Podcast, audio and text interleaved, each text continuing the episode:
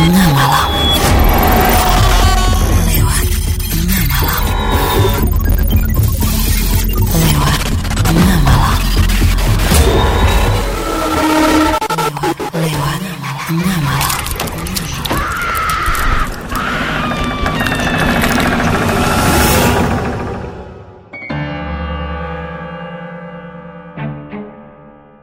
Hai, selamat tengah malam buat kalian semua nih yang kembali lagi nyimak podcast lewat tengah malam. Dan pastinya masih barengan aku Willy Arden yang udah siap dengan episode baru dengan cerita baru tentunya. Nah buat kamu juga yang baru pertama kali bergabung, welcome. Semoga pada betah ya duduk manis, gedein handphone kamu Atau pasang headset atau headphone kamu Biar bisa jelas nih dengerin uh, kualitas soundnya lebih oke emang kalau pakai headset atau headphone ya Oke, buat teman tengah malam juga apa kabar? Seneng banget akhirnya muncul lagi di episode terbaru, episode 37. Dan buat kamu yang belum support ya, belum follow, di follow podcast lewat tengah malam. Jangan lupa juga support lewat channel podcast lewat tengah malam sudah ada di YouTube ya. Terus juga support juga aku di TikTok ya, Willy Ardan. Oke. Yang belum follow Instagram podcast lewat tengah malam langsung di follow sekarang juga. Nanti kita bisa DM DMan buat kamu ngasih saran, kritik, cerita, ide atau apa aja deh bebas ya. Nah, buat kamu yang sudah pernah mendengarkan Rumah Bingung Cirende yang dirumorkan sebagai rumah pesugihan, dan ini akan kita ulas, kita bahas di episode terbaru ini. Apalagi buat kamu yang ngerasa ingin tahunya tinggi banget ya, membuat penasaran kadang-kadang kalau ngeliat ada cerita-cerita horor yang muncul di satu tempat. Nah, teman tengah malam, kali ini kita akan ke Tangerang. Karena di lokasi Tangerang itu ada satu rumah yang disebut-sebut sebagai Rumah Bingung Cirende. Selengkapnya, simak di episode 37, Rumah Bingung.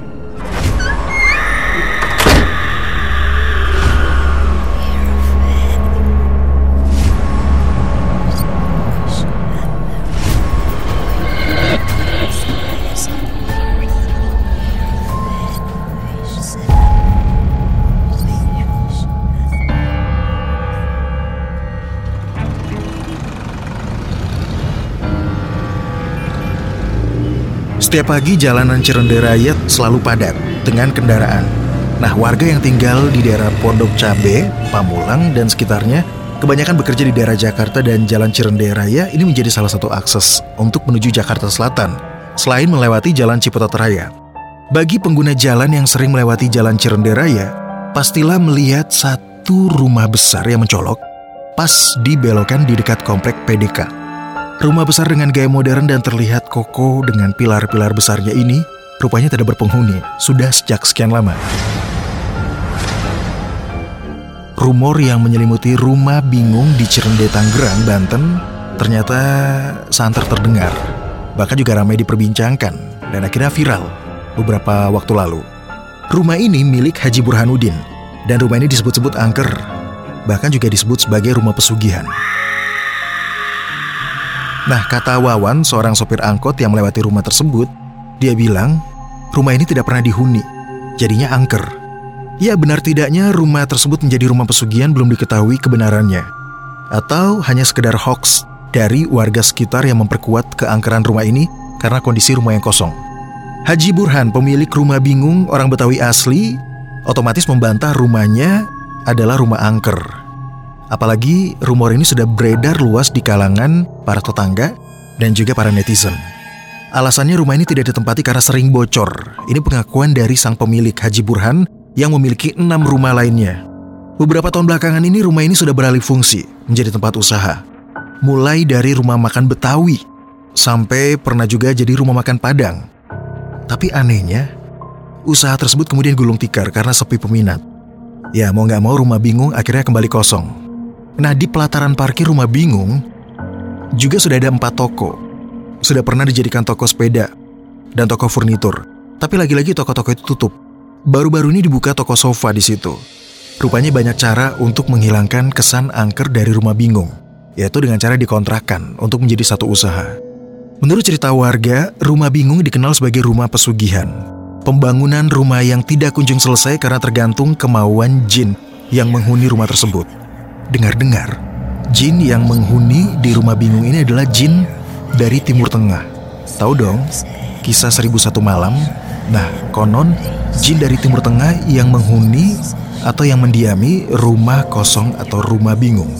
Kalau malam, para warga enggan untuk melewati rumah bingung. Mereka lebih memilih untuk memutar atau mencari jalur alternatif lain. Kenapa rumah ini disebut rumah bingung?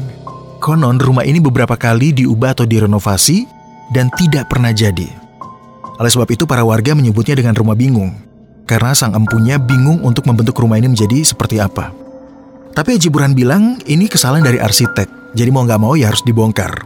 Tidak ada jin atau segala macam hal-hal yang berbau horor.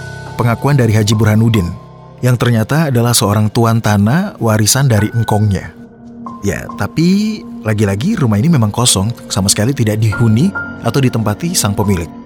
Haji Burhan sendiri merupakan orang asli Betawi dengan tiga anak serta satu cucu. Dan dia dikenal warga cukup dekat dengan keluarga Cendana serta tuan tanah di Cerende. Kata warga, Pak Burhan orangnya dermawan. Bahkan dia selalu memberangkatkan haji warga di sini setiap tahun. Ini pengakuan dari Anwar yang tinggal tidak jauh dari rumah bingung. Keberadaan sebuah rumah putih dengan pilar-pilar besar berkonsep bangunan modern di Jalan Cirende Raya, tepatnya di Ciputat Timur, Kota Tangerang Selatan, memang penuh aura mistis. Bahkan cerita-cerita horornya semakin diperkuat dengan kisah penghuni yang selalu mengawasi dari balik kaca jendela, tepatnya di salah satu jendela yang ada di rumah bingung.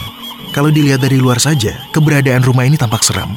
Apalagi kalau dilihat dari dekat, bahkan masuk untuk melihat keindahan dari arsitektur Eropa yang dimiliki rumah ini.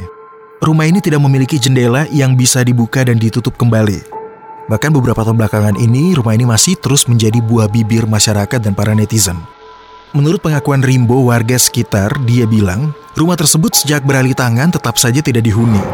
Di dalam rumah itu dulunya pernah ditemui seekor ular sanca kembang sebesar paha orang dewasa yang keluar dari dalam toilet. Ular itu katanya setelah keluar dari toilet menuju ke ruang agung atau ruang besar yang ada dalam rumah. Dan secara tiba-tiba ular itu menghilang hingga kini tidak pernah ditemui lagi. Ya bisa saja ular ini adalah ular siluman atau penunggu rumah bingung. Masih menurut pengakuan Rimbo, dulu ada seorang pekerja yang mencoba beristirahat di depan pintu ruang agung. Dan tiba-tiba dibangunkan oleh seseorang yang tidak terlihat sosoknya. Dan setelah pria itu bangun, dia sadar tidak ada siapa-siapa di dalam rumah itu. Bahkan konon dulu penghuninya masih sering dijahili atau diganggu oleh jin-jin atau makhluk astral yang mendiami rumah ini. Tapi sekarang aktivitas astral mulai berkurang saat di sekeliling rumah mulai ramai ditempati usaha. Cerita lain soal rumah bingung menurut keyakinan Jawa, rumah bingung merupakan salah satu pesugihan yang dilakukan oleh pemiliknya. Rumah bingung disebut-sebut dengan pesugihan kandang bubrah. Dari beberapa sumber yang berhasil digali, pesugihan rumah bingung atau kandang bubrah dilakukan oleh pemilik rumah dengan cara berselingkuh. Sejak tahun 1992 hingga 2008, Rumah Bingung sudah tujuh kali direnovasi atau mengalami perubahan. Rumah mewah dua lantai dengan luas mencapai 2000 meter persegi ini memang dimiliki oleh orang yang sangat kaya raya. Mulai dari tembok pagar rumah tersebut dipindah-pindah posisinya sampai akhirnya sekarang tidak berpagar. Atau pintu depan tersebut kini berpindah ke samping kanan dan juga kiri. Cat rumah juga ikut mengalami perubahan.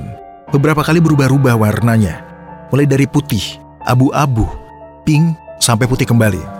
Sejak pertama kali dibangun tahun 1992 hingga sekarang, pembangunannya masih tidak kunjung selesai. Maka dari itu orang menyebutnya dengan sebutan rumah bingung. Dan sampai sekarang ini rumah bingung masih dibiarkan kosong. Seperti pada umumnya, bangunan-bangunan yang dibiarkan kosong selama bertahun-tahun akan dihuni oleh makhluk astral. Jadi, ya nggak salah juga kalau rumah bingung Cirende kabarnya menjadi tempat favorit bersemayamnya beragam makhluk tidak kasat mata. Pernah juga ada penampakan nenek-nenek dan juga perempuan berambut panjang di bagian tangga rumah menuju lantai dua. Pengakuan dari Awi dan Ayub katanya nggak ganggu. Cuma sosok ini sesekali suka menunjukkan keberadaannya di rumah bingung. Menurut penuturan orang tua dulu, setiap rumah memang memiliki penghuni yang menempati, sehingga angker atau tidaknya ya kembali lagi ke sosok penghuni dari rumah. Tapi rumah menjadi angker akan diperkuat dengan kondisi rumah yang kosong dan gelap di dalam rumah. Rumah yang lama tidak dihuni, ini juga akan memungkinkan rumah ini menjadi angker. Karena membiarkan rumah kosong tidak berpenghuni. Banyak juga orang menyebut jika kamar mandi menjadi salah satu tempat paling digemari makhluk halus untuk bersarang. Selain spot yang paling kotor di dalam rumah, kamar mandi juga lembab dan gelap. Jadi bisa dibayangkan, rumah kosong dengan kondisi tidak terawat, ya pastinya banyak makhluk astral yang menghuni rumah-rumah kosong. Nah, teman-teman malam itu dia tadi episode 37 Rumah Bingung. Buat kamu yang sudah tahu cerita ini, ya mungkin kamu juga sempat kepo dan mencari tahu letak atau lokasi dari rumah bingung, bahkan juga pernah masuk atau melihat langsung, ya. Teman tengah malam yang belum pernah melihat rumah bingung mungkin bisa melihat ya lewat Google atau YouTube beberapa gambar atau bentuk dari rumah bingung.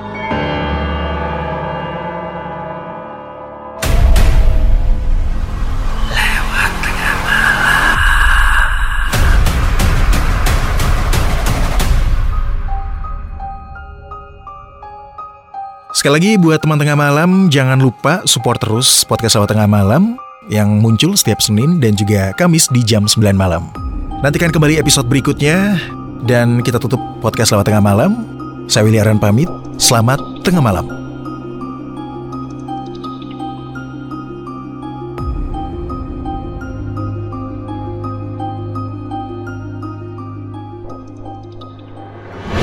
Kamu lagi mendengarkan podcast lewat tengah malam.